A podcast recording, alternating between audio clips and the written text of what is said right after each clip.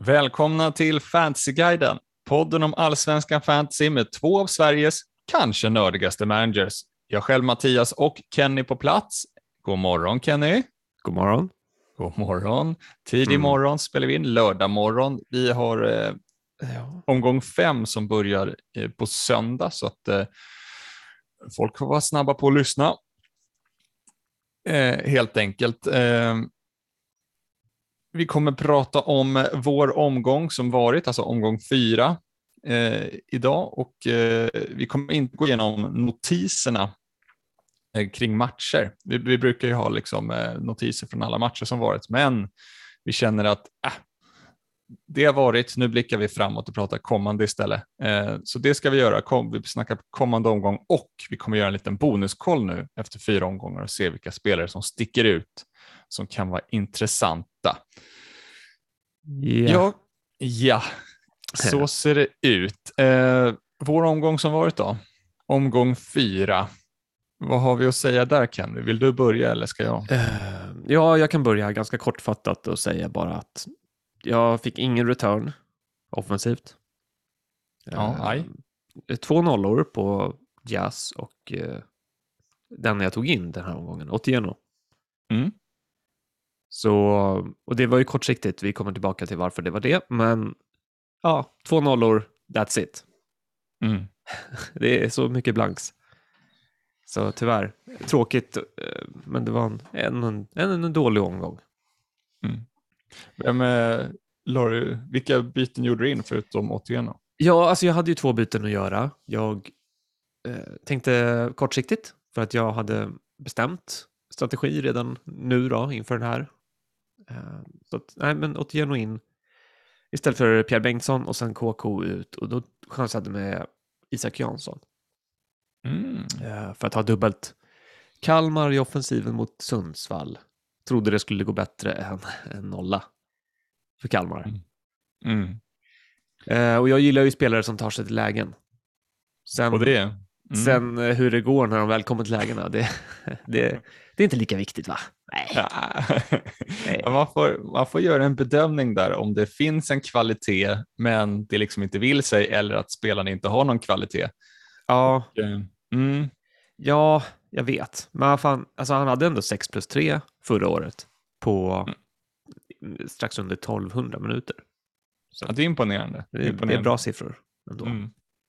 Men eh, vi som såg eh, om matchen omgång tre där och vi såg hur mycket han brände då. Nu Ja. fick han ju ett jättebra läge när han sköt till hörnflaggan istället för... Jo, jag vet, jag vet. Nej, men det var väl det var framförallt det. Jag gillar spelare som är involverade Mm. och tar sig till lägena. Sen så, ja.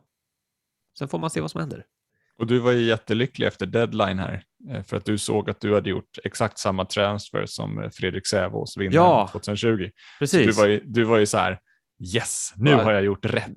Idag eh, vänder det. Idag får jag träff. Liksom. Nej, tyvärr. Ingen av oss fick träff Mm. på det. Du hade ju också kaptenen där i Kalmar. Ja, Oliver Berg. Eh, Mm.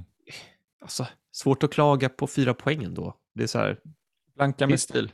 Är, ja, semi-stil. Alltså det är så här, Ludde gjorde ju omgångens blank ja, just det. med sex poäng, men ja, Ludvigsson då. Mm. Eh, nej, men fyra poäng, framförallt när den mest valda då, Thelin, bara tog två. Mm, ja, pre- precis. Så Då är det det, ju eh, fyra, okej. kan mm. Ja, nåja.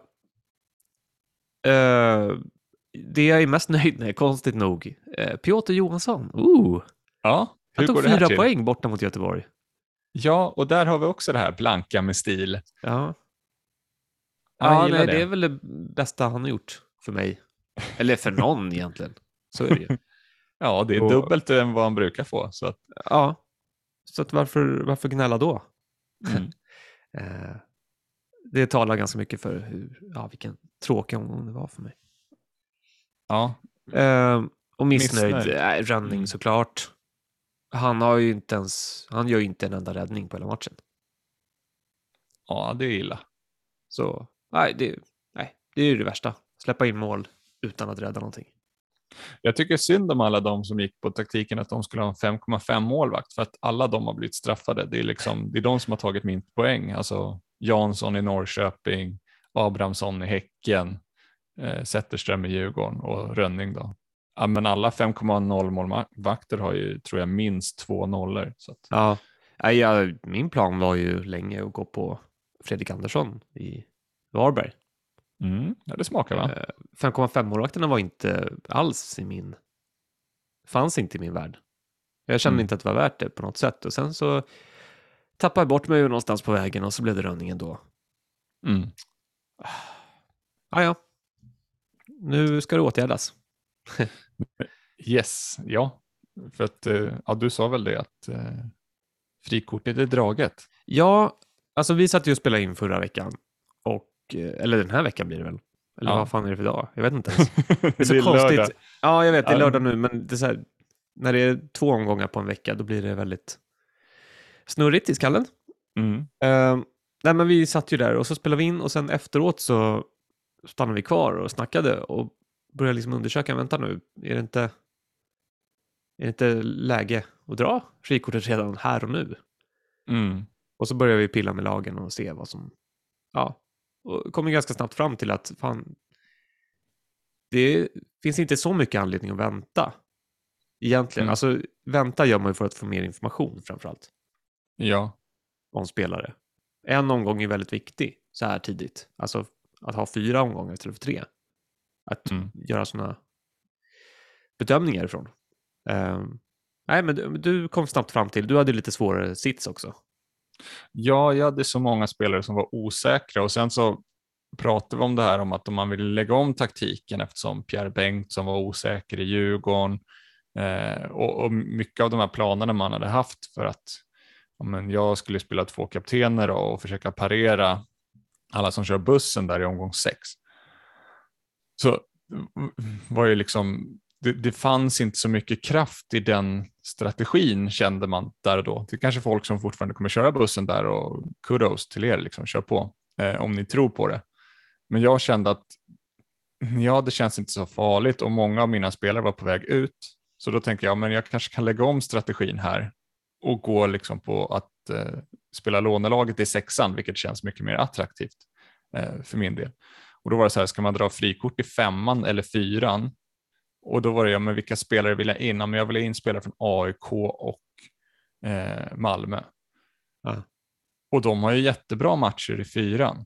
Så då var det så här, ja, på pappret då att det är Värnamo borta och Varberg hemma. Så då var det så här, varför inte dra det nu i sådana fall? Så får man en extra transfer i femman också kunna ändra om det blir någon avstängning, exempelvis på Milosevic eller så. Ja. Eller nej, då skulle man ju behållit honom såklart. Ja, ja precis. Ja. Men, då vet eh, man det i alla fall. Ja, precis. Så då kände jag, nej, ja. men då drar jag av. Och jag hade ju så här i efterhand så hade jag jättemånga spelare som inte kom till spel. Jag tror att det var fyra stycken. Ja. Um, så jag hade mycket väl kunnat få in liksom Bengtsson i Sundsvall hade fått ramla in på någon enstaka poäng liksom och det vill jag inte. Jag hade förlorat väldigt mycket poäng eh, om jag inte hade dragit frikortet mellan 20 och 30 poäng tror jag. Ja, Men, det, ja, så vi landade i olika slutsatser där. Att jag mm. klarade mig en vecka till, jag ville ge chansen. Alltså jag hade ju fortfarande ett ganska bra lag. Eller, det har jag ju inte egentligen. Alltså, uppenbarligen. Det har inte gått något bra, så jag har inte något bra lag på så sätt. Men matcherna såg bra ut. Mm. Så jag, jag hade två byten också, så jag kunde ju fixa till det som brann. Mm. Eh, så jag väntade och du körde. Och eh, mm.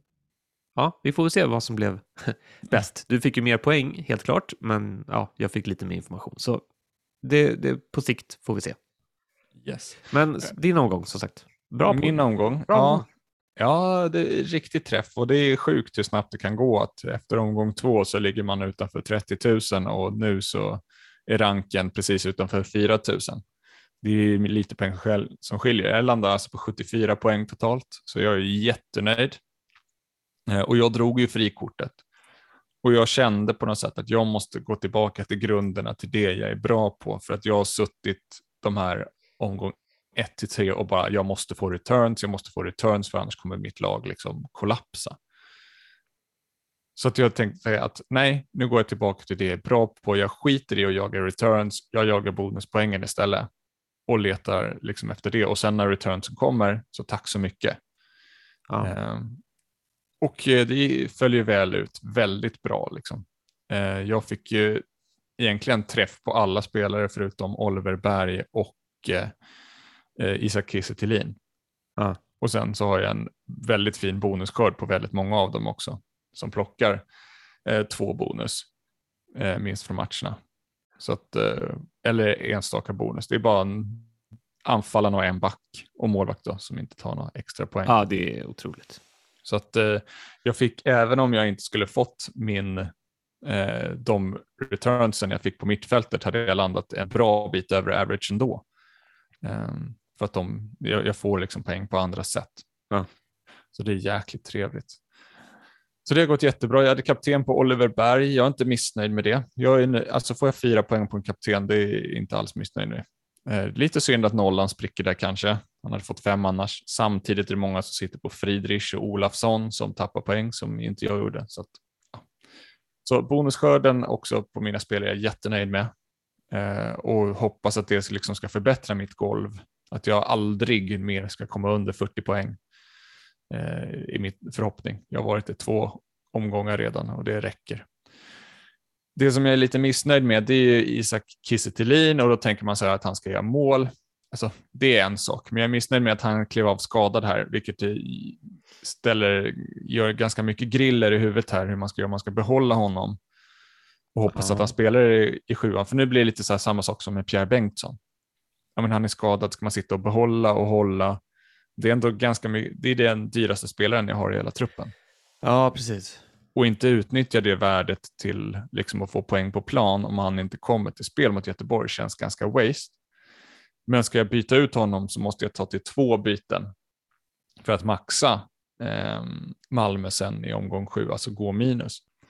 Ja. Så det är lite olika och samtidigt byta in en bra spelare i omgång fem, byta in en spelare som är bra i omgång sju också. Då måste jag byta ut den spelaren när det är en bra match. Så att, ja, det är mycket svårt det jag ska göra inför framtiden där. ja, Mm. jag tror inte att du får veta så mycket heller va? Nej. Alltså om Thelin, det känns som att de kommer hålla på det. De vill inte... mm. ja. Men det känns- del.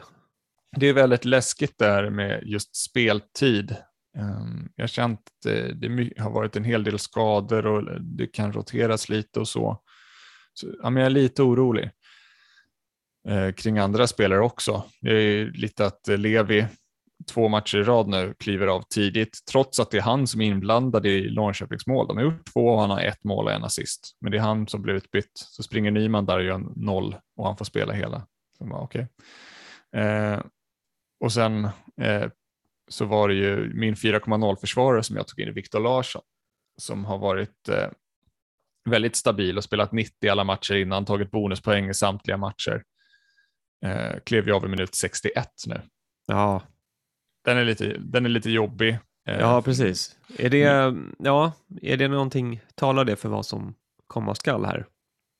Jag vet inte, det är lite läskigt och eh, man tänker inte på det, men Värnamo har faktiskt inte släppt in mål på hemmaplan. Och nu har de Degerfors hemma. Så att Ja. det är så här, om det Ja. beror på deras spel eller om det beror på deras eh, kvalitet på planen som jag hört inte är så bra. Ehm, så det kan ju vara fint att starta honom, men jag vill ju absolut inte starta honom om jag riskerar att han ska hoppa in i en match. Nej. En poäng Eh. vill man ju inte ha. Var det Freddy Winst som kom in eller? Ja. Ja, precis, för han, han ska ju vara ordinarie. Mm. Eh, så då är, ja, det är tuff konkurrens där i Värnamos backlinje. Vem ska de peta? Ja, de hade ju någon Ja. ny spelare, någon Näsström inne tror jag. Ja, men han är inte, alltså mittbackarna är Tihi och Eriksson och sen De Vries som ytterback tillsammans med Mm. Viktor Larsson. Mm. Och så Fredde Winst in på det. Eh, det är ju så det har varit främst. Så ja, ah, det är en jobbig sits. Nu är han 4,0 så fan, det, det väl okej. Mm.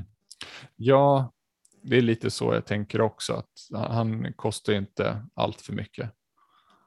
Ehm, men som du säger, han är, Viktor Larsson är högerback och De Vries har ju fått ta lite fasta och så. Så att Ja. det kanske var den gubben man skulle gå på. Men ja, kanske.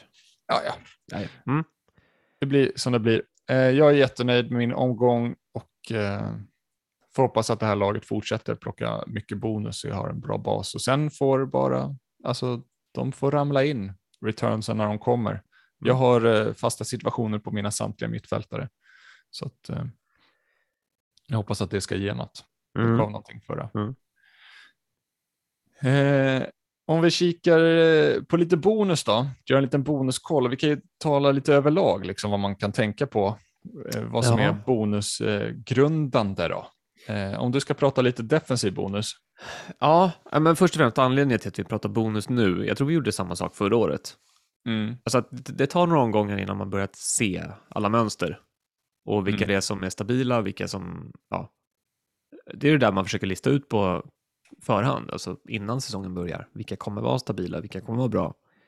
Mm. Eh, och nu får man läge, många kör ju frikort nu, så då får man ju läge att fixa till det. Ta det, Mm. det som man har hittat hittills och ja, stoppa in det i laget. Mm. Så, så därför kollar vi det. Och ja, men defensiva bonuspoäng. Eh, det finns ju några saker. Det, det har ju ändrats en del i år så att de här två kategorierna har blivit en. Ja. Det gör ju att man får titta lite annorlunda. Eh, ja, ju, man slår ihop värdena. Det blir lättare att räkna på det. Eh, Mm. Men det blir också lite svårare att se eh, mönster i hur de plockar dem. Right. om det nu spelar någon roll, jag vet inte. Det här kanske är så här överanalysera och allt vad det är så, men generellt så är det ju så att alltså, spelar ett lag med lågt försvarsspel och får försvara sin box hela tiden, Mm. Då blir det ju fler rensningar, blockeringar, brytningar. Eller Mm. framförallt rensningar, blockeringar. Eh, men ja, så, så brukar det ju vara. Sen om man är ett mer anfallande och spelförande lag så brukar deras försvarare eller defensiva spelare få fler bollåtererövringar. För Mm. att det kan vara så att det sämre laget liksom blir hårt pressade och får bara slå bort bollar så fort de... Alltså de, Mm. de behåller inte possession särskilt länge utan de, de skickar upp bollen och chansar på en target kanske. Mm. Och då finns en sotte där som samlar upp alla bollar. Mm. Typ Tackar vi för. Ja, ja men bara till exempel, det finns ju många bra. Mm. Så, så, så kan det vara lite olika beroende på hur de plockar sina bonuspoäng då. Ehm, och jag har ju tänkt så här att alltså det, det är ju skönt att ha sådana som plockar bonus i de svåra matcherna så att de kan väga upp och få lite poäng när de inte håller nolla. Mm. Men samtidigt så vill man ju ha, man vill ju ha de där bonuspoängen i de bra matcherna också. När man faktiskt Mm. vet att man ska spela dem. Ja, alltså åtta poäng är så mycket finare än sex. Alltså, Ja, jo men, för, ja, men precis. Och ja, men just att man spelar dem också så att den den där bonuspoängen inte sitter fast på bänken. Mm. Det är ju svårt att hitta, man kan ju inte få allt. Jag menar, får man en nolla så kanske man inte alltid får bonuspoäng för att ja, det kanske inte har varit lika mycket att göra. Eh, Mm. Men kan man hitta båda så är det jättebra. Eh, Mm. Ska försöka lyckas med det och sätta in dem i, de som gör det i mitt frikort. Eh, Mm. Det blir ju dock mycket AIK och Malmö så att det är, de är ju starka. Mm. Där kan Ja. man verkligen snacka nollor och bonuspoäng. Ja, ja, men där... eh, Det är ju bra skulle- till exempel, jättebra exempel. Ja, vi har ju Nielsen i topp eh, Ja. när det gäller defensiv bonus. ja, han verkar inte vara så påverkad om de Nej. liksom eh, typ av match och sådär. Mm.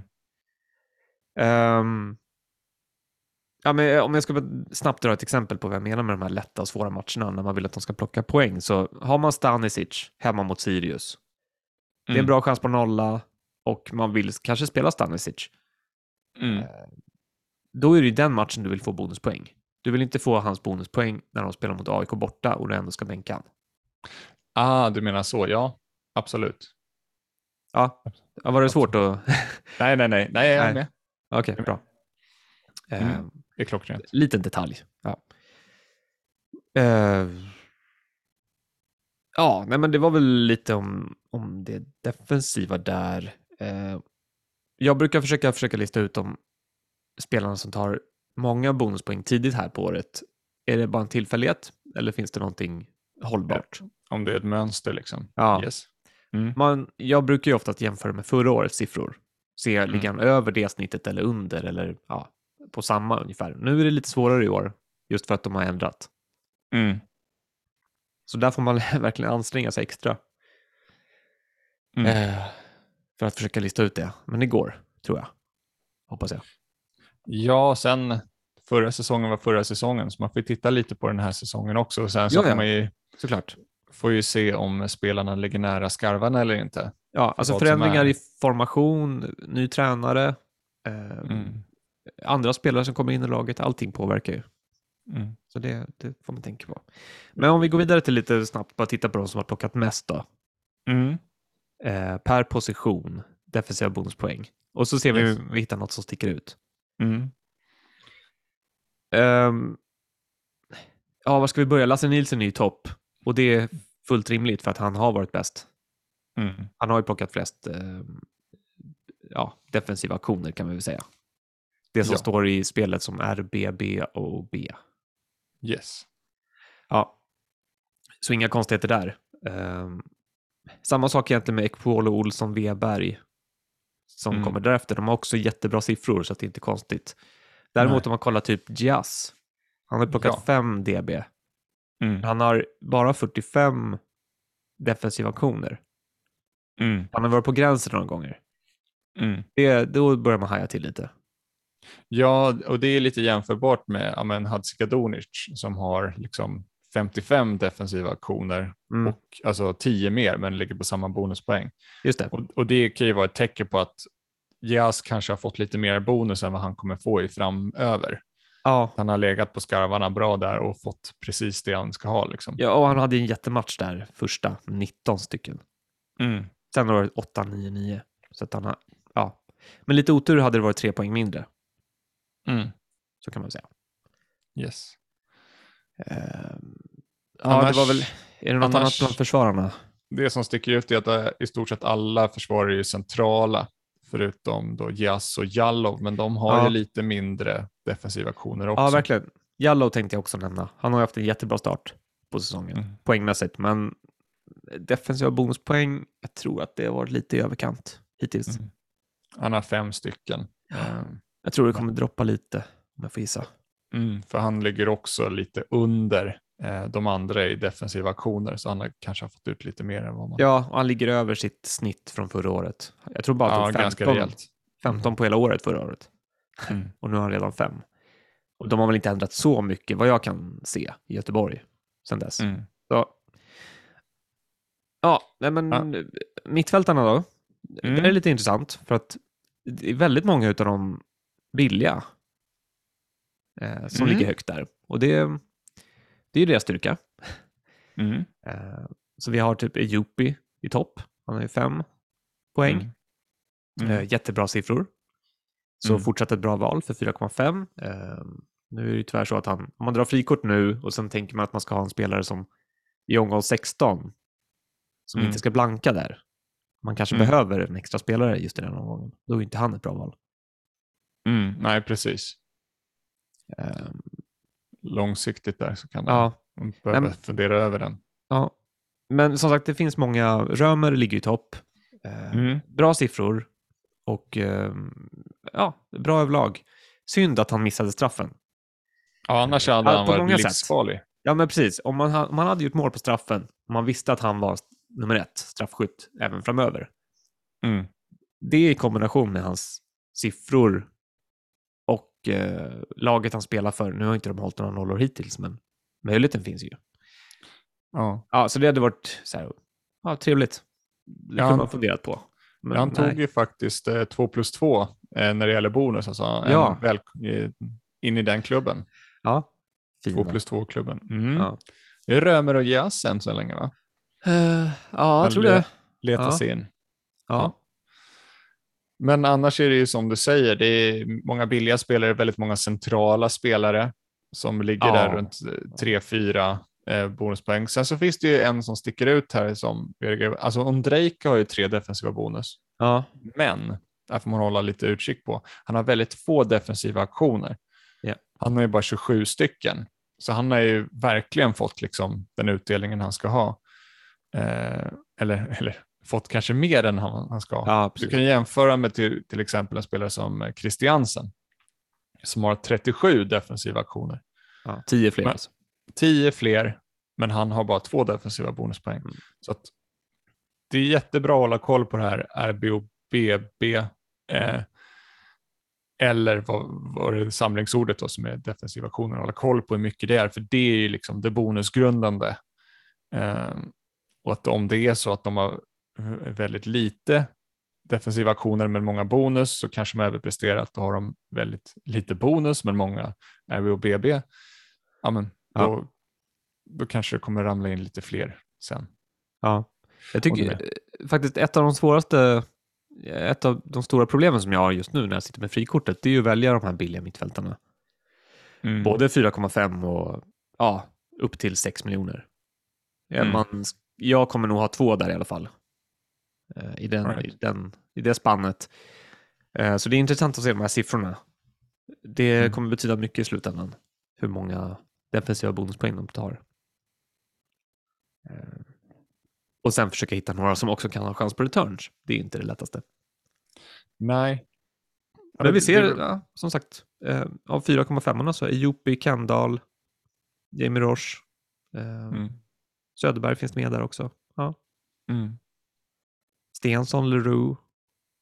Ajari 5,0. Ja, ja precis. inte. 5,0 finns det ju en del. Du har ju Silver också. Har du varit inne på 5,0 där? Fick Ja, ganska-. Ja, ja det finns mycket, eh, många jämnbördiga, många jämna spelare. Mm. små marginaler att hitta rätt där. Inte så mycket nämnvärt kanske på off eller anfallare. Det är Marcus Berg som har tagit två stycken, Ja. men det är frågan om hur mycket. Ja, eh, alltså det de har gemensamt de här, nu är det ju Marcus Berg har två, Thelin en, Simovic en och Al-Hamlawi en.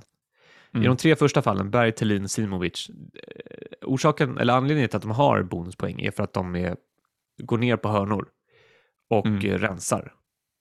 Mm. Alltså inlägg och hörnor från frisparkar och hörnor. Ja, det, det de jobbar de hårt på. Mm.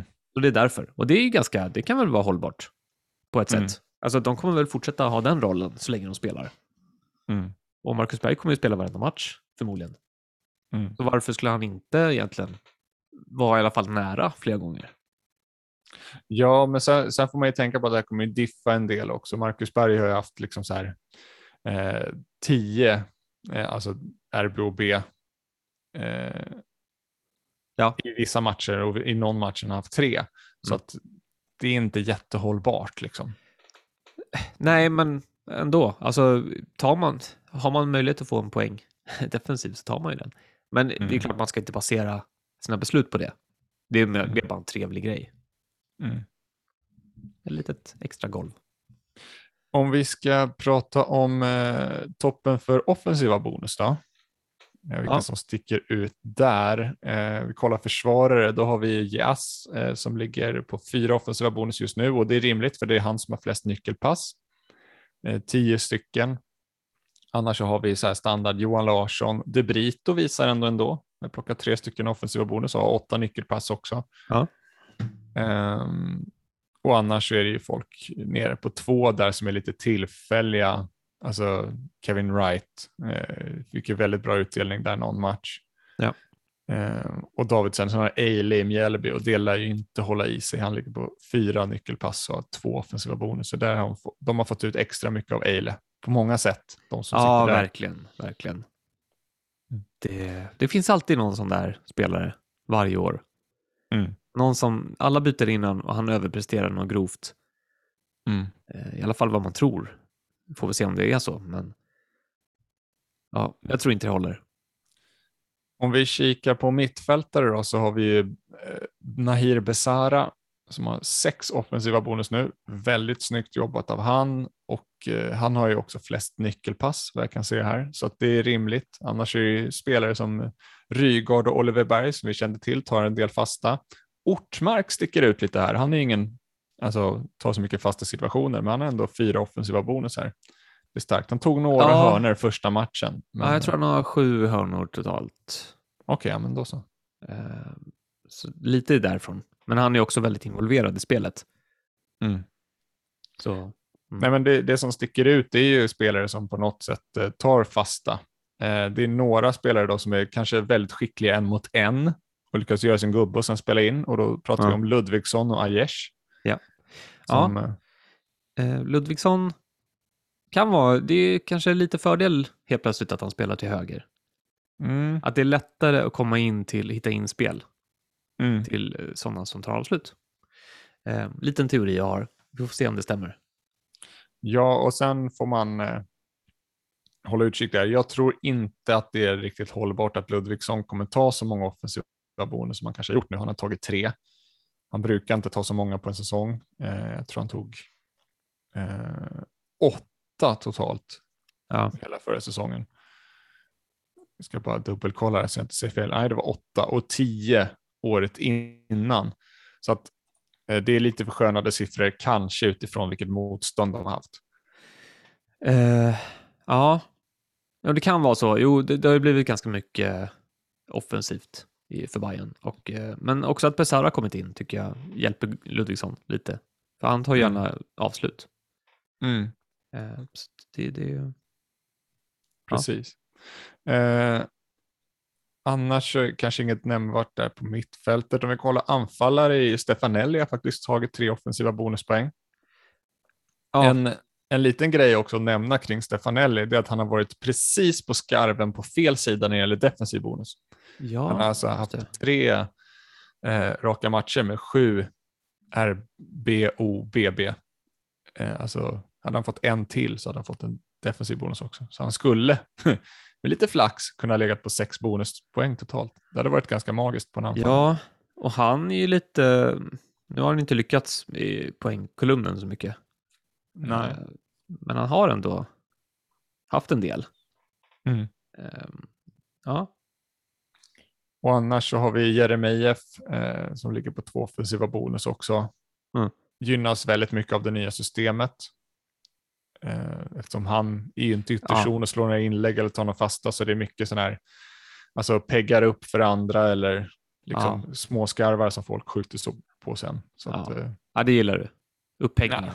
Ja, ja, Levi hade en riktigt fin till Markovic. hade Ja, det är det enklaste. Mm, Eh, den tar man. Det är så tydligt också. Det blir, ja, så bara, yes, nyckelpass.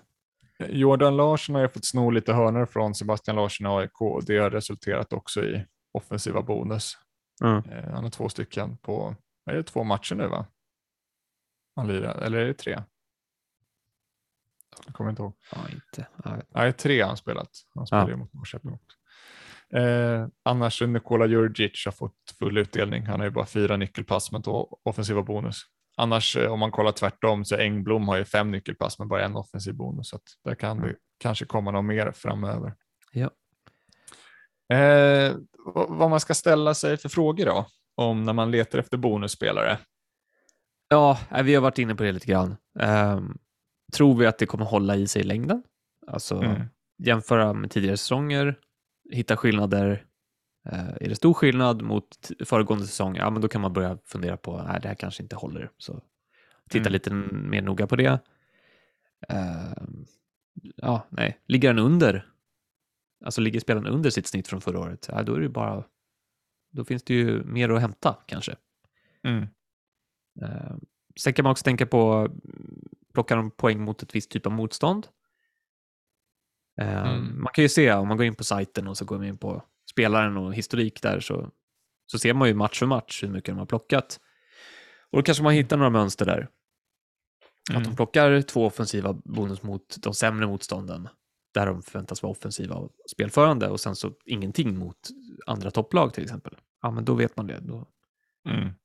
då kan man jobba utifrån det. Ehm, Ja, en annan grej att kika på tycker jag, det är hur mycket speltid får spelaren.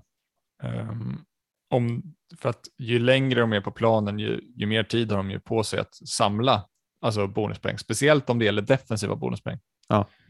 Jag tänker exempelvis en spelare som, eh, nu är inte han bra på att plocka bonus ändå, men Sandberg i eh, Hammarby, som ofta blir alltså utbytt ja, eh, eller historiskt har blivit det. Jag har fått spela några matcher runt 90 minuter, men annars byter det runt 80.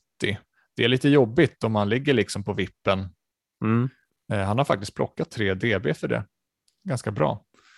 Eh, men om man ligger där runt 6-7 åtta RBOB per match ungefär, vilket Sandberg gör och sen blir man utbytt hyfsat tidigt. Det är lite jobbigt. Ja.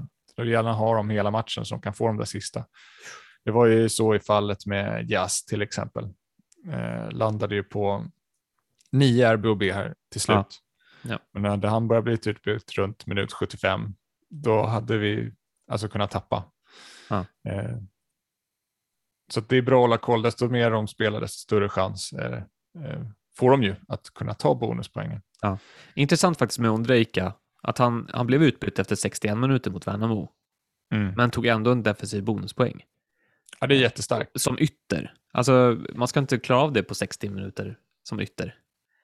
Nej, och där kanske Eh. du, jag vet att du är jättebesviken på han förmodligen, men Birmancevic i Malmö Ja, jag- faktiskt en defensiv bonus på en halvlek eh, Precis. mot, mot Värnamo. Ja, så då, ja, tack för den poängen i alla fall.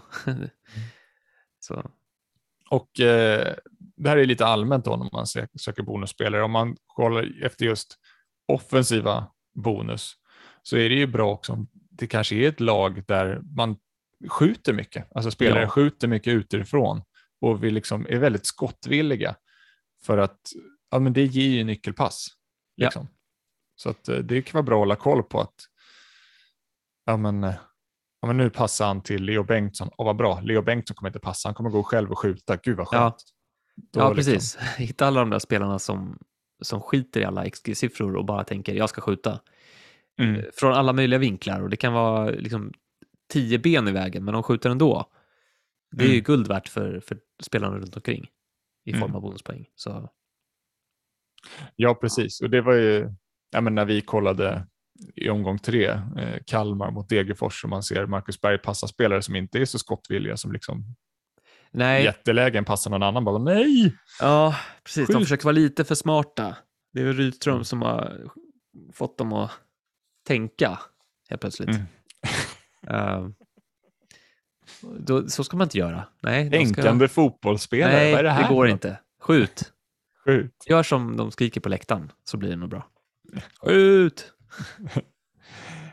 Ja, eh, vi lämnar bonus och börjar prata kommande omgång och går igenom matcherna som är. Vi Mm. har eh, första matchen ute då AIK-Djurgården och det här, eh, när det är på Friends så är det en historiskt målsnål match. Eh, de senaste tre åren har det bara blivit ett mål i varje match, alltså Mm. antingen 1-0 AIK eller 1-0 Djurgården. Och eh, jag vet inte om det är den historiken man ska gå på någonting eller hur det har varit och sett ut, men kan man dubbla sin defensiv här om man har två AIK-spelare? Ja, det tycker jag.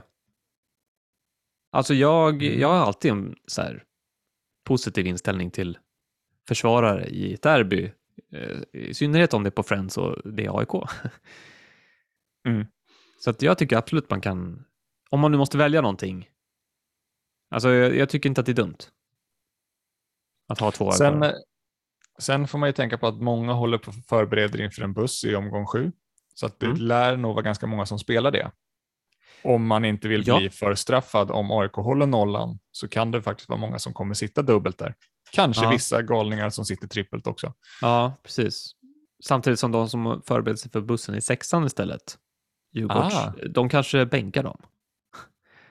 Ah, Eh, Ja, alltså, några kommer nog komma till spel mm. eh, för att de inte har så mycket andra alternativ. Men, men där, där ser man lite skillnaden. Hur, jag tror att många tänker att de ska bänka Djurgårdsbackar men kanske spela AIK-backar. Mm. Rimligt, tycker jag. Mm. Ja, sen- Bonuspoäng och nolla. Mm. Ja, men, eh, har man Ekdal tycker inte jag det är alls dumt att spela i den här matchen. Alltså, det är som sagt historiskt målsnålt åt båda håll. Ja, att- ja, nej, alltså det behöver inte vara fel. Mm. Det kan säkert bli okej. Men jag hade hellre valt AIK-backar än Djurgårdsbackar här. Du tror på Gnagget här alltså?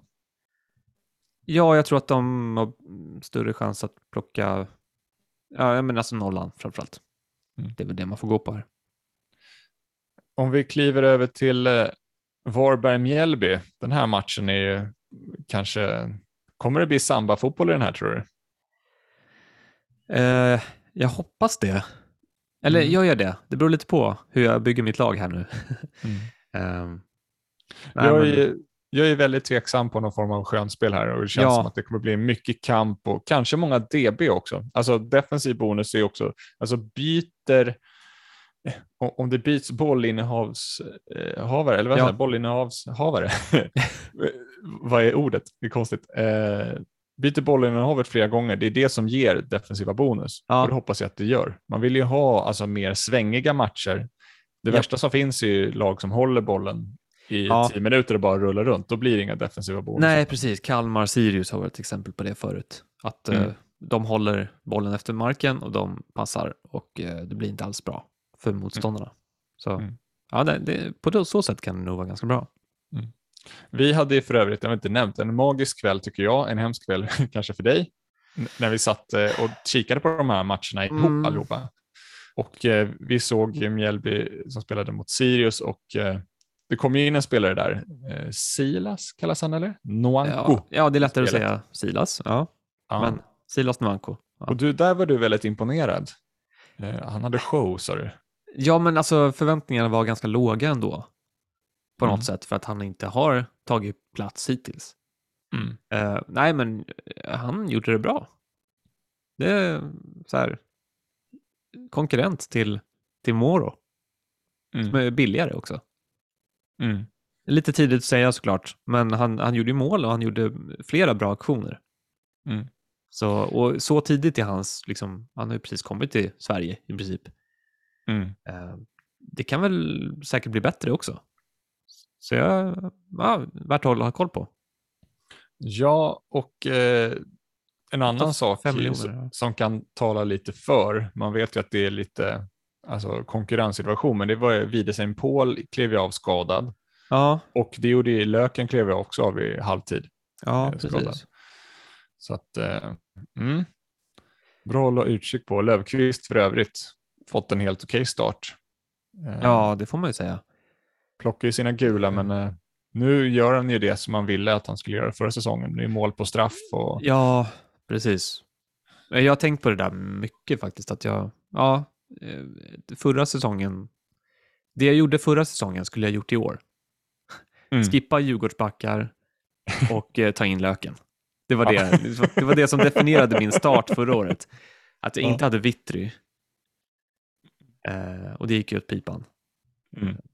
Så jag skulle gjort samma sak i år.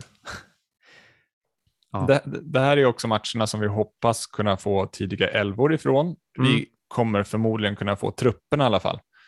Eh, så man ser om, det, ser om det är någon spelare som saknas. Om Widersen Paul och Löken inte är med i truppen till exempel. Kanske det kanske ska hoppa på Noanko i eh, frikortet. Ehm, alltså, det vore väldigt chansning. Mm. Men ja, alltså om det sparar, det sparar ju typ 0,3.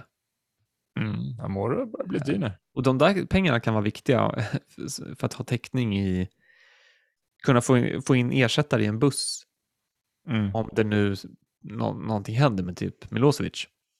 Mm. Då behöver jag pengar för att kunna gå upp till 81 då, till exempel. Mm. Ja, ja. Nej, jag, jag vet inte. Vi kliver över i Helsingborg-Häcken. Och eh, Helsingborg nollade ju faktiskt Elfsborg här senast. Ja. Eh, bör man då vara orolig för sina offensiva Häckenspelare? Ja, det tycker jag. Det är så. Eller alltså de- orolig, men det är klart att jag hade, ju, hade jag suttit på Häckenspelare så hade jag hellre sett att Elfsborg gjorde fem mål. Mm. Nu känns det ändå som att Helsingborg kanske får litet, ja, men lite mer självförtroende och lite, de känner att de kan det här på ett Mm. sätt. Sen om det är bra eller dåligt, det kan ju gå åt båda hållen. De kanske blir lite kaxiga och lite, ja, inte gör jobbet lika hårt, vad vet jag. Men jag tycker det är inte alls, eh, det är inte alls givet att det är en bra match för Häckens offensiva, offensiva spelare. Mm. Ja, Eller? Hur känner du? Jag vet inte. Det är ändå en missad straff här som är en av faktorerna. Ja, Ja. jo, så är det ju. Så att, Mm. eh, mm. Men jag tror inte det- Häcken går dit och slår dem med tre bollar liksom. Det, det är faktiskt väldigt eh, intressant tycker jag också att samtliga nykomlingar alltså höll alltså nollan förra omgången. Det, var, det var inget blåbärsgäng de mötte heller. Nej, eh, verkligen inte. Det var, det var imponerande. Nej, En de nollade ju Oliver Berg eh, Ondrejka och eh, vilka var de sista? Ja, Birmancevic. Thelin och Birmancevic. Ja, precis. Det är några Ganska av de mest bra. populära spelarna. Så att, Mm.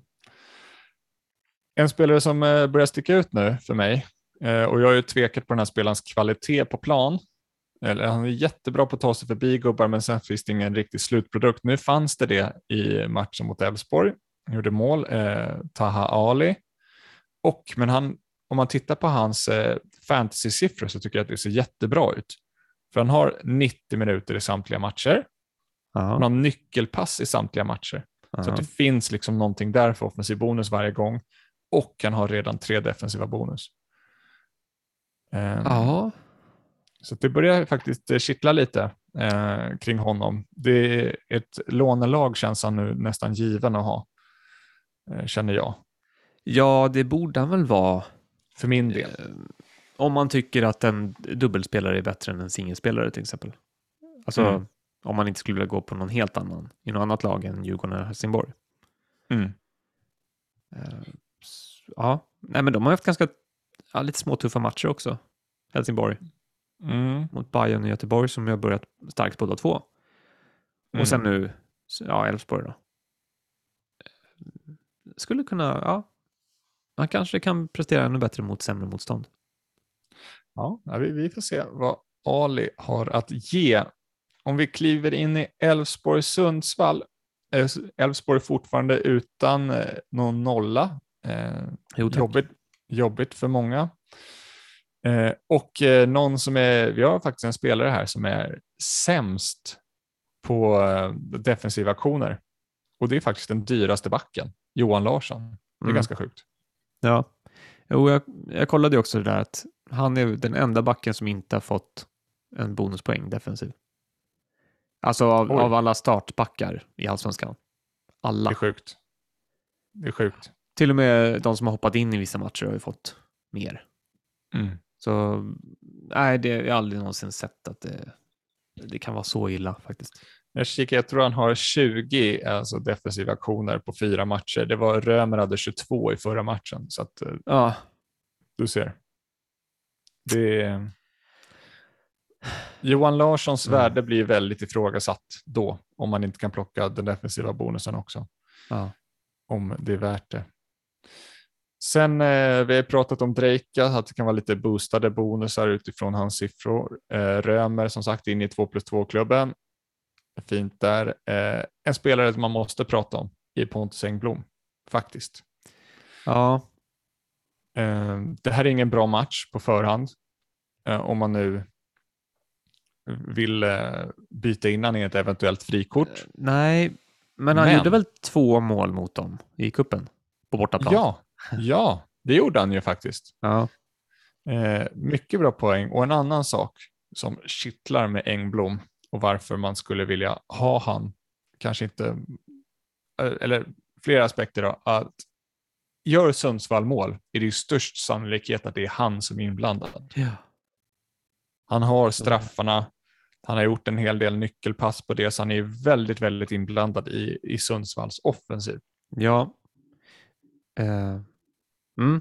Och sen finns det en annan grej som kittlar enormt med Engblom och det är att i omgång sju, när alla kommer tänka på att maxa sin buss och att det ska bli bra, så spelar han hemma mot Degerfors.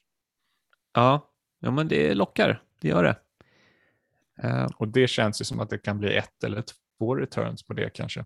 ja. Och eh, krydda det med en eventuell buss eller ett chip som man kör där. kan bli väldigt bra poäng. Vi vet Ja. gick för Edvardsen, han gjorde hattrick mot eh, var det Örebro eh, förra året när alla spelade bussen. Okej. Ja, Så att, ja men jag gillar Engblom och eh, han har tredje mest skott i hela allsvenskan också hittills. Du kan Mm. väl gissa vem som har flest? Eller? eh, Findell eller? Nej, nej, nej. En som vi Nej. alla har sett skjuta men inte har fått in en enda boll. Är det Selman eller? Ja, Selmani såklart. Flest skott. Ja. Mm. Eh, Engblom trea. Så jag, det tycker jag är, och det finns ju kvalitet där också. Det är Mm. liksom inte bara att han drämmer till på alla möjliga bollar utan han, jag tycker det finns en, han är smart. Mm. och har bra avslut. Ja, jag gillar honom. Ja, jag förstår det. Passar inte riktigt Värnamo- in. Alltså, Nej, det är det. i priset, i laget som jag vill ha, så funkar det inte riktigt. Mm. Det är Moro som kommer in där istället. Ja, det, det blir så lättare. mycket... De där pengarna är så viktiga, de emellan. Samtidigt är han ju väldigt prisvärd. Alltså, Ja, just nu. för ja, men schemat är tufft alltså. mm. Det tycker ja, det är sju matchen som är väldigt Ja, trevlig. det är allt Annars, mm. I princip. Sen visst, han kan Mm. göra mål mot Norrköping borta. Det är väl... Ja, men... Ja. Eh, Värnamo Degerfors då. Värnamo har som sagt inte släppt in några mål eh, på hemmaplan och eh, vinst är tillbaka, vilket innebär att det kan skaka om backlinjen en del. Eh, Djurdjic tog sitt tredje gula Ja. förra matchen, så han är avstängd redan. Eh, och sen är ju de väldigt skadeskjutna Degerfors, alltså i backlinjen och de hade bara fem man på bänken senast. Ja, precis. Eh. Eh, Inga backar. En liten, en liten heads up, om man nu den här matchen mot Värnamo inte skrämmer, att den eh, Värnamo har hållit sina två nollor och de, de kanske är färdiga med det, om man tänker så, så är det faktiskt Degerfors möter samtliga nykomlingar i omgång 5, 7 och 8. Så att schemamässigt på pappret har ju de fantastiskt schema om man spelar exempelvis ett lånelag i omgång 6. Ja. Så att, eh, mm, Ja, liten heads-up där på backarna också, Värnamo. Att, alltså Netinho finns ju där också. Jag jag tror inte ens jag nämnde Mm. han när vi nämnde alla ytterbackar och backar de hade. Men han har Mm. väl startat i tre matcher också. Och är ju liksom den Mm. offensiva ytterbacken som kommer runt och har ganska bra offensiva siffror, får man ju säga. mm. Eh, Så han kanske kom, kommer spela i lite lättare matcher. Degerfors hemma låter som en passande uppgift för han. Mm. Kanske någon av de andra backarna som får, som får lämna. Ja, det är lite jobbigt. Jag, jag får se om jag kan få någon info om, om, om Larsson då, som jag har. Eh, Ja. Sen, alltså vi måste prata om en spelare här. Som fantasyval kanske är svårt att motivera att ta in han eftersom han spelar i Degerfors och försvarare. Men Giao, Giao, Ja, ja det var väldigt läskigt Alltså, ni- att se han mot Bayern. ni som såg matchen, han har ju alltså två lägen som resulterar i ribban. Ett skott själv som går i ribban och sen har han ett skott som går i Kurtulus huvud och sen i ribban. Ja, Och Ja. eh, jättefin en mot en, helt otrolig en mot en faktiskt. ja han bara flyter förbi sina gubbar.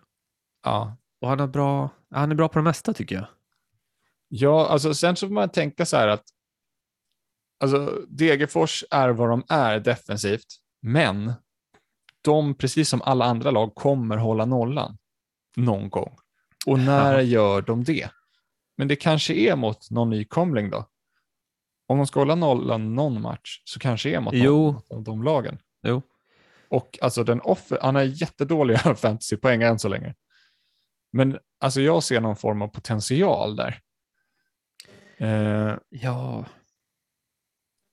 Ja det är ju så synd mycket. bara att det, det blir ju liksom, tar den en bonuspoäng så försvinner den för de insläppta målen ganska Mm. ofta. mm. Men han kunde gjort två mål här mot Bayern.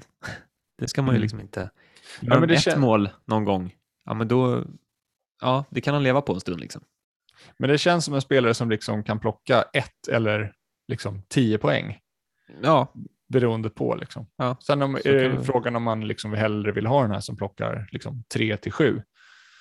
Ehm, men ja, nej, han var riktigt, eh, jag var- jag imponerad av det jag såg och eh, ändå inte jättedåliga defensiva siffror. Har varit uppe på 15 och Eh, 9 och så. ja nej det är okej. Okej.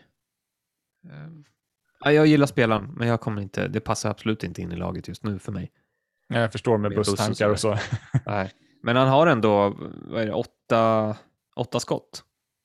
Det är, det är bra för Mm. en wingback Mm. på fyra matcher. Yes. Eh, Sirius Hammarby. Bojanic är tillbaka och eh, det här är då påverkar det här Besaras potential en del för att Besara har ju faktiskt tre returns från fasta situationer och blir han av med dem. Mm. Det är en del offensiva bonus som kommer därifrån också. Ja, Alltså det är en otrolig lyx för Bayern att ha två så bra fötter plus en vänsterfot också i Diaz. Mm. Alltså de kan välja och vraka mellan de tre på allting. Mm. Det är helt otroligt. Så ja, det är klart att det påverkar att Bojanic är tillbaka. Men så bra som han har slagit de här fasta Besara. Mm. Jag har svårt att se att han skulle liksom bara försvinna. Jag tror eh, kanske att de delar då. Att de Ja. eh, turas om. Ja. Jag, jag, jag, det vore så jäkla konstigt att, att peta han från det nu. När de har gjort Mm. tre mål på det på tre matcher va? Mm. Eh, Ja. Annars så tycker jag att liksom, för Hammarbys chanser generellt så är det ju bättre att Bojanic är tillbaka. Mm. Alltså offensivt. Jag tycker det, det finns bara positiva, alltså i form av möjliga returns så tycker jag det är jättebra. Mm. För alla, och all, i alla offensiva. Och alltså, såg man den här matchen och det kanske blir boostat när de möter Degerfors. Så alltså, de spelarna får ju sån otrolig potential. Alltså, Oliver Berg kändes som ett super must have mot Degerfors och nu kändes Besara som ett super must have när man såg Ja. det mot Degerfors också. Ehm, liksom alla chanser de kom, kom till och liksom alla fasta och ja, nej, Ja. Eh, otrolig potential. Shabani eh, i Sirius har ju gjort de flesta besvikna. Eh, har, står ju fortfarande utan nyckelpass på fyra matcher. Helt sjukt. Och trots eh, då att han fick spela en offensivare roll här Ja. eh, mot eh, eh, Mjällby då. Och han kom ju till många avslut. Jag tror han kom till Ja. flest avslut i hela omgången. tror jag. Ja, fyra Att- skott har jag räknat det till här. Mm. Det var Eile som räddade något mål där. Bland annat när han tog sig förbi målvakten. Ja. Så att eh, Shabani är ett huvudbry. Eh, hur man ska göra nu är schemat dåligt, så då släpper man väl. Men jag tycker det, det finns ju en potential om man ska spela där uppe. Men eh, ja, kanske med schemat kan det vara ointressant. Ja. Någonting annat kring Sirius Hammarby som man behöver ta så där. Eh, förra matchen vann väl Hammarby med endast 1-0 tror jag. Eh, var det Magyar som petade in dem då? Ah, just det. Just det. Fan, jag är så dålig på att komma ihåg gamla matcher, men eh, det stämmer. Men det, det känns ju som att så behöver absolut inte fallet bli nu. Alltså, när man såg Silas ha den showen med Sirius-försvararna så undrar man ju vad Ludvigsson och kompani ska hitta på. Ja. Eh, och frågan om man ska ge Selmani en femte chans. Eh, alla som sitter där. Ja, Han ryker Ja. ju definitivt efter det. Men eh, ja. Jag, jag kommer inte behålla han i frikortet. Så mycket kan jag säga. mm, Ehm, Men det är väl ändå, alltså sitter man kvar där och man inte har, eh, alltså att man har annat att göra så tycker jag han ska vara kvar. Mm. Det, om vi... läget, är, läget är samma som det var innan förra matchen tycker jag. Mm. Ja. Mm. Eh, Malmö-Göteborg. Och här, vi får ju se vad man gör med Thelin utifrån vad vi får för info. För att ja, jag är jätte... Jag vet inte vad jag ska hitta på med Thelin. Om jag ska byta Nej. ut han eller inte, för då sätter jag mig liksom i en dålig sits inför omgång sju. ja. Eller om man bara ska sitta och spara. För men, men man hör här Pierre Bengtsson, alltså det är så färskt i minnet. Och liksom vilken omgång man ska prioritera. Om det är liksom för att få ut kortsiktigt nu i femman eller om man ska tänka för sjuan. Ja. Liksom, för han, är han borta i omgång sju, då har man ju liksom, ja, men tappat mycket i femman och inte fått någonting i omgång sju före heller. Så då måste han ju ut då, då tar han ju ett byte då. Så att, Ja. ja, det är svårt. ja, det är jätteklurigt för alla som tänker någonting där i sjuan. De som inte ska Mm. spela lånelaget i sjuan. Mm. Ehm, ja, för mig som är på frikort, alltså ska jag välja, ska jag spara pengar, alltså skippa Thelin nu, Mm. ta in tre AIK-are, två Malmö-spelare och spara pengar för att kunna ta in Thelin om det visar sig att han är spelklar till sjuan. Mm. Eller ska man bara strunta i det helt och hållet och gå på någon annan Malmö-spelare? Eller, ja.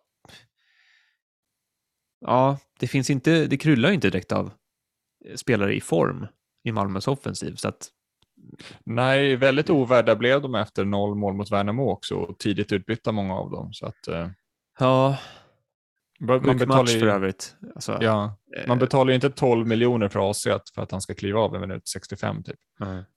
En offensiv bonus i, i Värnamo, Malmö. 16 defensiva. Ja, du ser. Ja, inte många passningar ja. som gick hem. Eh, vågar man dubbla defensiven då i Malmö? Många sitter nog och, och förbereder sig för en buss. Ja. Vågar man sitta med två stycken Malmö-spelare? Ja, Du säger ja, ja. För att rent historiskt. Jag har kikat upp där, Okej. kollat upp det. Så släpper Malmö in mål här. Okej. Eh, Det Ja. var, jag kollar tillbaka Ja, nästan eh, sju, åtta år. Förlorade förra året va? Ja, 3-2. Ja. Ja, ja. bra. Och eh, det är faktiskt bara 2019 eh, Mm. som eh, Malmö höll nollan mot Göteborg, bort, eller hemma. Men Så att, ja, eh, är det någonting man ska säga om Malmö i år hittills så är det att Mm. försvaret har gjort det väldigt bra Mm. och att försvararna har plockat bonuspoäng. Mm. Ja, det jag, av den anledningen är jag inte tveksam. Okej. Framförallt inte med tanke på att många kommer sitta både med AIK och Malmöbackar. Mm. Och eh, ja, nej men eh, då tror jag att fullt rimligt att starta med två. Mm. Eller tre. Jag vet inte. Jag tror att det finns ett golv där på tre poäng, Okej. All right. känner jag. Eh, eh, kan man behålla Birmancevic efter att han är utbytt i halvtid senast? Ah, Den är ju så... Usch. Alltså det är så mycket värde och så lite som Ja. du får ändå. Alltså, eh, säg så här då. Innan säsongen så hade jag absolut spelat Birmancevic. Jag hade absolut behållit han Mm. i en sån här match. För att jag tycker, ja, Malmö hemma mot ett annat hyfsat lag, det är, det är fullt godkänt att Mm. spela eh, Birmancevic i. Mm. Men nu när det är liksom oklart ens om man kommer starta, Mm. eh, eller om man, kommer, om man startar, hur länge kommer man spela? Och han är ju så totalt ur form så att eh, matchen är okej, han är inte okej. Mm. Det, det är typ det jag landar i. Så att, Det, det här är så kul, för vi har ju pratat mycket nu när det har byggt frikort och du sitter ju med eh, en miljard frågeställningar och jag kan ju tycka att vissa är lite överkurs när du liksom så här, vem ska jag ha i kapten i omgång nio? Och då Ja. är det så här, men men vi har inte... Ja, ja, för, för att så, sånt där kan ändra sig så fort från omgång till omgång. Alltså Birmancevic, efter omgång två hade många liksom, det här är ett bra kaptensval. Nu är vi inför omgång fem och eh, kan man ens ha kvar den? Så att liksom, saker, man får revidera så, sådana här, speciellt kaptensval, så himla Jo, snabbt. jag vet. Jag vet. Men samtidigt så kan man se på sitt lag nu och det är ganska få byten fram till dess. Mm. Mm, Så jo. att, liksom, det är typ omöjligt att få in vissa spelare. Och Mm. sitter man med ett lag och tittar på det och sen så kollar man matcherna omgång nio eller åtta så här, bara, vänta, jag har ingen som jag ens kan tänka mig skulle kunna vara en vettig kapten. Mm. Alltså, då kan man ju börja fundera. Men sen Mm. visst, jag håller med om att det, det är inte lätt att säga att i den omgången ska jag spela han som kapten och det kommer bli bra. Mm. Men eh, jag gillar ju som du till exempel. Du har ju liksom Sebastian Larsson då som, eh, som backup-lösning alltid. Typ. Ja, gör det Du enkelt. skulle ju alltid kunna sätta den där och få ut någonting. Ja, ja, Ja. Det det var inte meningen att täcka kapten, men absolut. Det är ju trevligt att ha den typen av spelare. Ja, nej, du, nej, precis. Du hade inte tänkt på det, men Mm. det är ju så. Nej, men nu när vi kommer in i nästa match kan vi prata om det också. Liksom, för att i omgång åtta har på pappret där exempelvis Norrköping jättefin match. Alltså, Ja. eh, men vi har ju en Nyman, eh, kanske många tänker, men han ska man bindla i omgång åtta. Men han är iskall. Han har inte gjort ett enda mål. Liksom. Nej, Så att om inte han har gjort mål fram till omgång åtta, då är det inte en jävel som kommer bindla honom där. Så att- ja. Det känns Nej. konstigt att ha en, liksom, en spelare som inte har gjort något på sju matcher eller sex, sju matcher. ja och precis. sen bara sätta binden där. Eh, Droppat i pris två gånger också. Mm. Så det är många som har bytt ut honom. Mm. Ehm, vad kan man säga? Alltså, om Nyman kan man ju säga att han har ju ja, förhöjda XG-siffror då för att han missade sin straff. Om man Mm. nu kan säga så. Alltså, det är ju relevant för att han, han missade ju straffen. Men nu kommer han nog inte ta nästa straff, så de siffrorna i sig betyder ju ingenting då. Mm. Ehm, men i övrigt så det är ju lite Semani light där liksom. Att han, ja, han har skjutit väldigt mycket. Mm. Han har 13 avslut. Så Annat att notera från Norrköping där är ju Levi utbytt tidigt igen. Eh, och, eh, men det är som sagt en spelare som varit inblandad i målen, så jag vet inte hur Norling tänker där. Eh, Ja. Han lever ju lite farligt också nu med resultaten han har fått. Eh, Kalmar var ju Simon Skrabb kom jag på, han satt ju på bänken mot Sundsvall. ja, Eh, och det är en liten varningsflagga också för de som kanske Ja. sitter där. jag tror, jag är helt, nästan helt övertygad om att det handlar om att ta det lugnt med han, med hans kropp när det är täta matcher som kommer tätt. Ja, men det är bra koll på överhuvudtaget. Då vet man att man kanske ska hålla sig borta därifrån. Ja, men Eh. jag tror att eh, är det en vecka mellan matcherna så tror jag inte alls det är samma problem. Mm, right. mm. eh, om vi kikar inför eh, deadline då, som är klockan 14 eh, på söndag imorgon. Eh, vi hoppas få sex stycken eh, trupper i god tid eh, och vi hoppas få ut fyra stycken elver i förtid. Eh, det är derbyälvorna då och sen Varberg-Mjällby. Ja, Eh, sitter man på Varberg-spelare kan det nog vara jätteskönt. Eh, Eftersom det Ja. kan svänga rejält där i vad de spelar för spelare. Sen nu inför omgång fem så är det nog bra att ha, eller det, det är nästan ett måste, ha strategin klar nu för hur du ska göra i omgång sex och sju. Ja man vill ju inte dra frikortet inför omgång sex. nej, det, det är liksom, det är lite waste. Ja, Eh, verkligen. alltså. Det går ju säkert att hitta något litet case för att man skulle kunna göra det. Frikort i omgång sex och lånelag i omgång sju tänker du eller? Ja, alltså jag gillar ju inte det. Men jag bara tänker så här, den informationen man kan få mellan omgång fem och sex är väldigt Mm. viktig för både, Mm. både sexan och sjuan. Mm. Ehm, så det ska man väl tänka på. Men man går ju miste då. Kör man frikort i omgång, inför omgång sex, då kan man inte använda ett chip i omgång sex. Det är, det är självklart för oss, det vet vi, men alla kanske inte vet det. Mm. Så av den anledningen är det jättedåligt. Men liksom hur mycket i poäng kan man tjäna på att få, få den där extra informationen om vilka som kommer vara avstängda, vilka som kommer eventuellt vara avstängda och skadade och. Ja, det är sådana saker. Vissa eh, av oss kanske kommer komma in i en dubbelomgång och ha en avstängd och två skadade spelare. Mm. Det är ju det är möjligt. Det kan hända och då sitter vi i skiten och då är de där poängen, ja, då, då tjänar de liksom på att ha väntat. Ehm, Men självklart Alltså- så borde man ju försöka använda chip i omgång 6.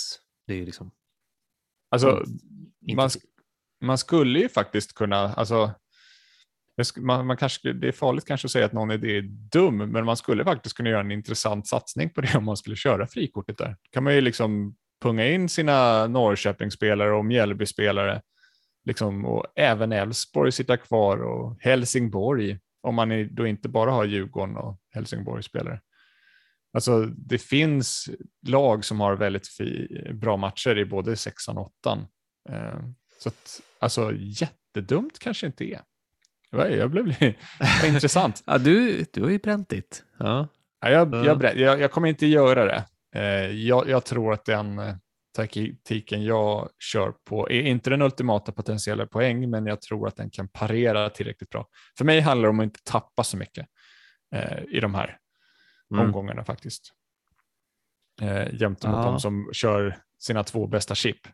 Det är det liksom jag vill kunna parera. Ja. Men, alltså, om vill man köra så, det går faktiskt. Eh, det går. Ja, men jag... Det är klart det går. Men det är sånt waste att, ja, det är det att inte spela chippet i omgång 6. Mm, Något av dem.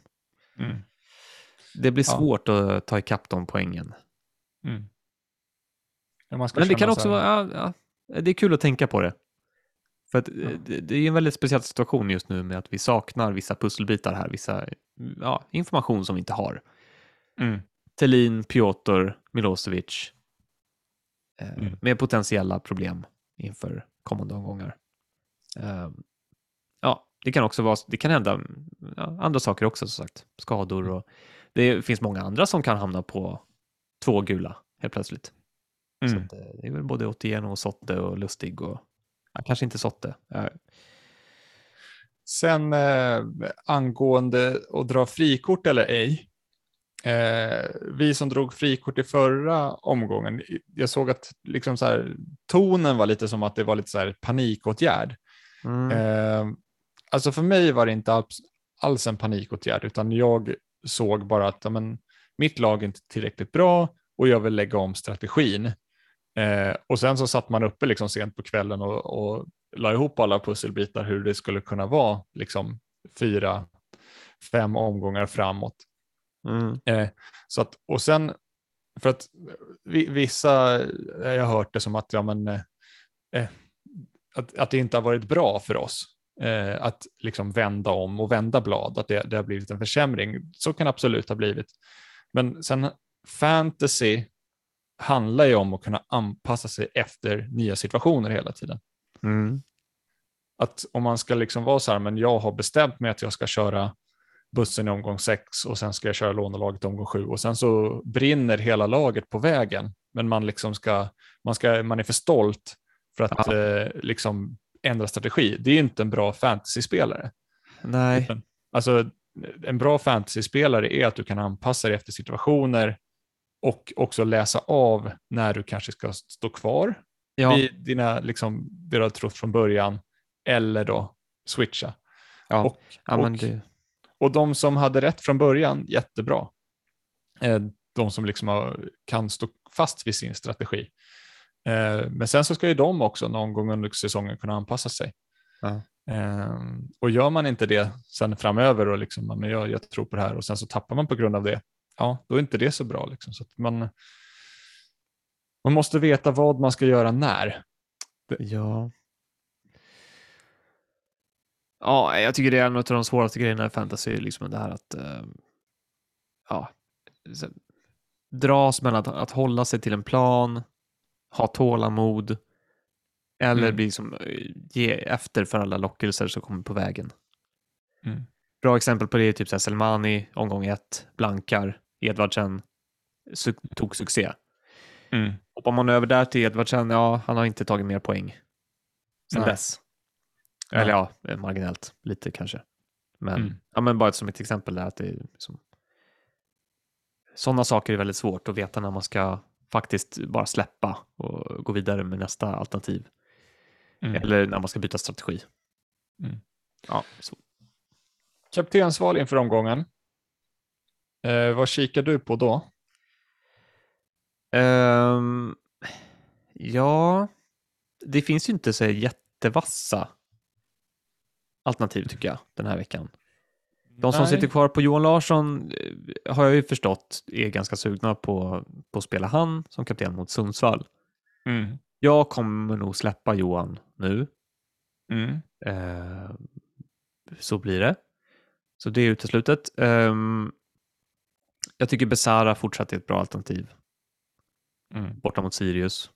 Även om jag, det kanske inte blir jättelätt för Bayern ändå. Det, det Mm. behöver inte bli någon målkalas där egentligen. Men jag tycker Mm. ändå att han har visat tillräckligt mycket för att eh, vara ett rimligt alternativ och sen så tycker jag väl att eh, Norrköping har inte varit tillräckligt bra för att, ja men jag menar Oliver Berg kan absolut Mm. få med sig någonting hemma mot Norrköping. Mm. Det är väl det som sticker ut lite grann. Det tänker jag också på faktiskt eh, när jag såg matchen mot Häcken där, alltså Norrköping-Häcken. Eh, så reagerade jag på hur många chanser Häcken kom till och kunde Ja. varit en hel del mål till. Så att, eh, och det är alltid trevligt att ha någon i sista matchen. Ja, det är väl det. Ehm, är det någonting annat som, missar man någonting? Alltså, Nej. Nej, alltså Jeremejeff mot Helsingborg kanske. Jag vet inte. ja, jag tänkte också på det. Alltså, nu sa vi att Helsingborg fick ju faktiskt till det hyfsat här mot Elfsborg. Mm. Ehm, men jag kan ändå tänka mig att det skulle kunna vara någonting där kanske. Mm. Ehm, Värnamo då? Ska man våga Om man Nej. plockar in Oskar Johansson i ett uh, frikort. Nej, eh, nej. Jag gillar är- att han är så in, inblandad offensivt. Det gillar jag. Mm. Eh, men, eh, nej, men jag bara letar lite roliga alternativ här. Mm. Malmö-spelare. Finns ju inte, jag menar, ja, AC. Det, Ja, om det man alltid AC, bra. då tycker jag att det är rimligt. Ja, men det, är, det är sån här standard som alltid är bra. Ja, Eh, precis. Sebastian Larsson också. Blir för sig lite gula Där blir det kort. hängande. Ja. Ja, det är inget kul för sig. Men bonuspoängen lär ju ticka in, alltså en, två stycken. Så att, eh, det finns och kanske någon eh, billig stralle. Eh, det är så vi jobbar, vi gnagare. Ja. Det är ett- 1-0 på tveksamt dömd straff, den har man ju sett för. Ja. Sen, eh, men om vi ska prata lite övergångar då.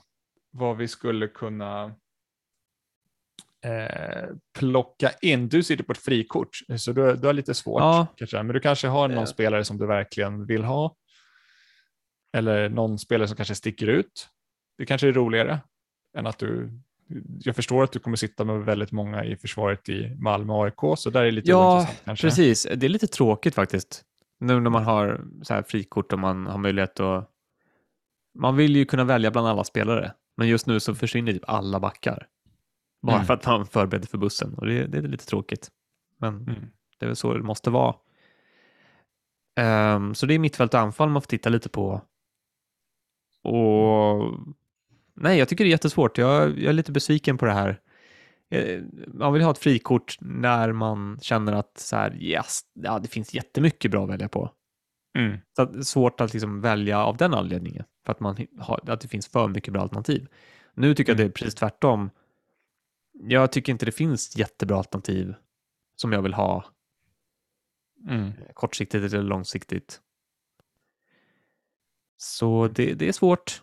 Jag gillar, um, alltså, om man ska ta någon så Ortmark Ja. tycker jag ändå ser liksom intressant ut på siffror och ja, schema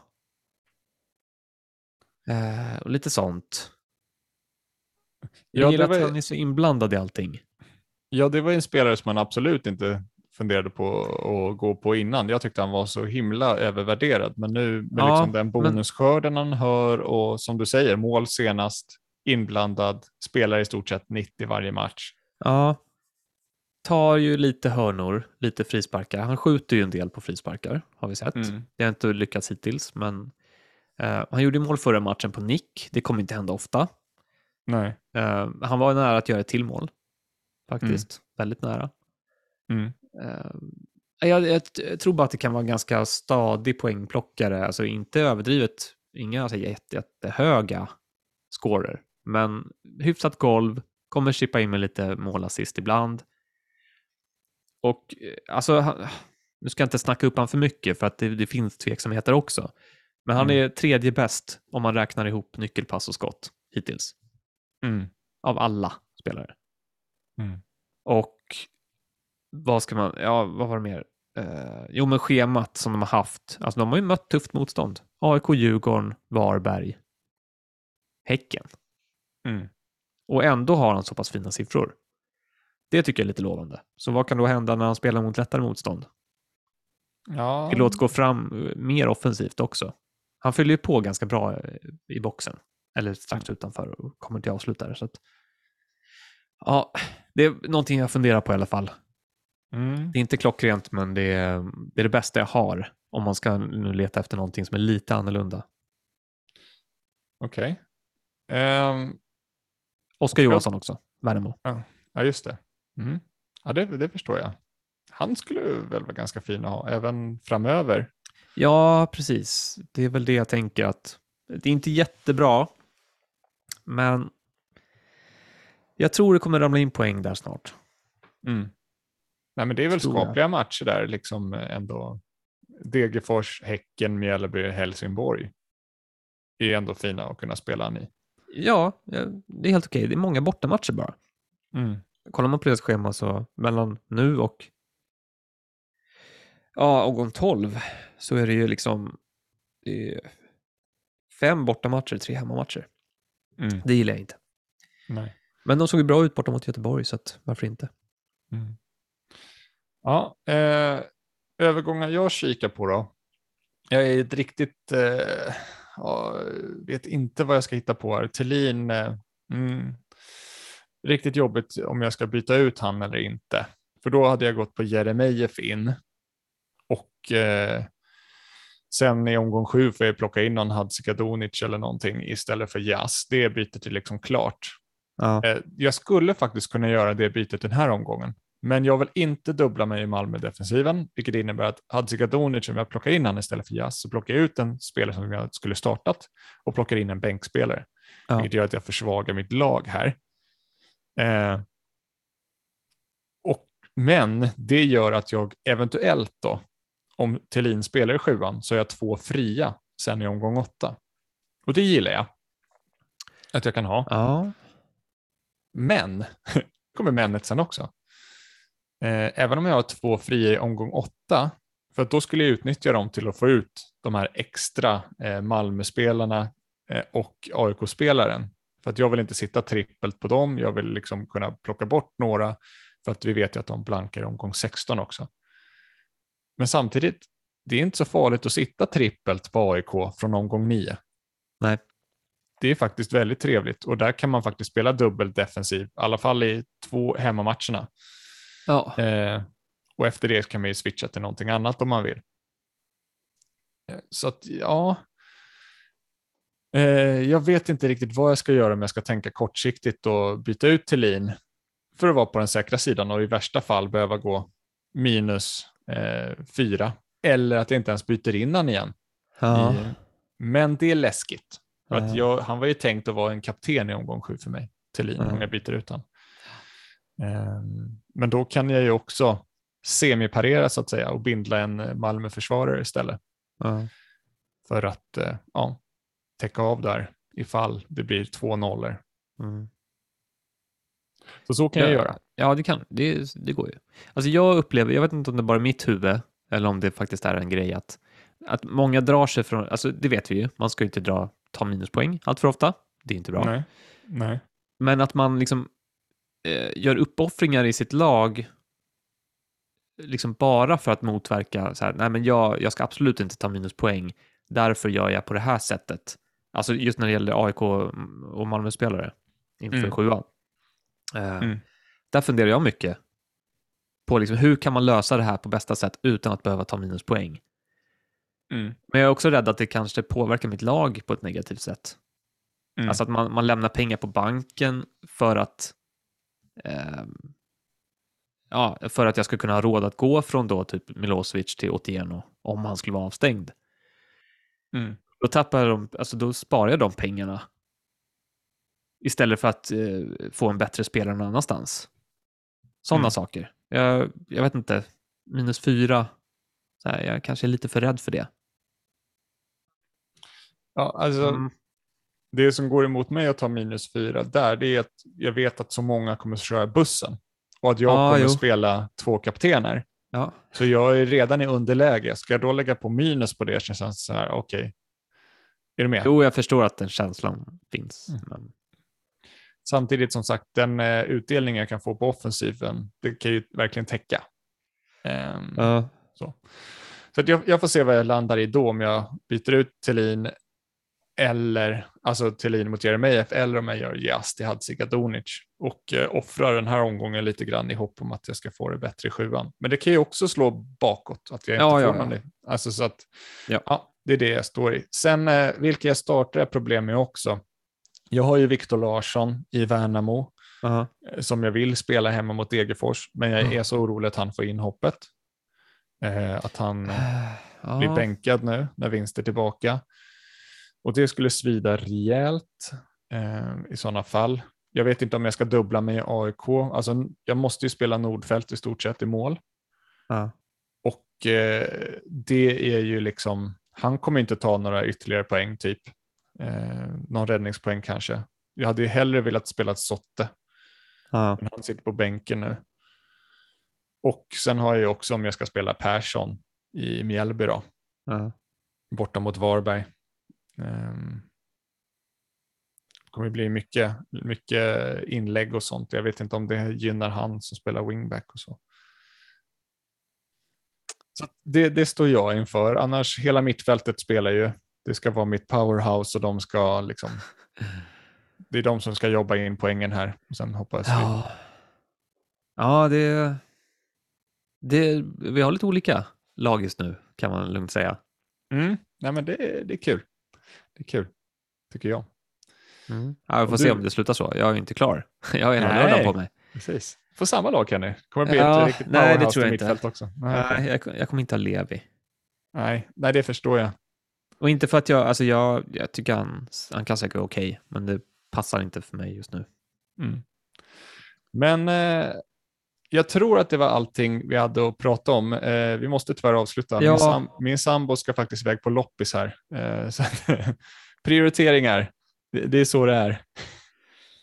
Eh, Ja, jag ska väl äta frukost, för det har man inte gjort än. Nej, det också. Bakelucke loppis ska hon på. start. Ja, Bakelucke loppis. Backaluckalupes. Yes. Eh, ja, men då så. Då, då ska jag återgå till eh, frikortsbygget, helt enkelt. Gör det så ska vi få ut det här avsnittet så snabbt som möjligt så att folk hinner lyssna också. Mm. Eh, idag lördag.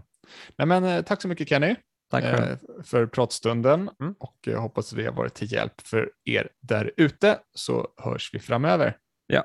Ha det, hej. Ha det.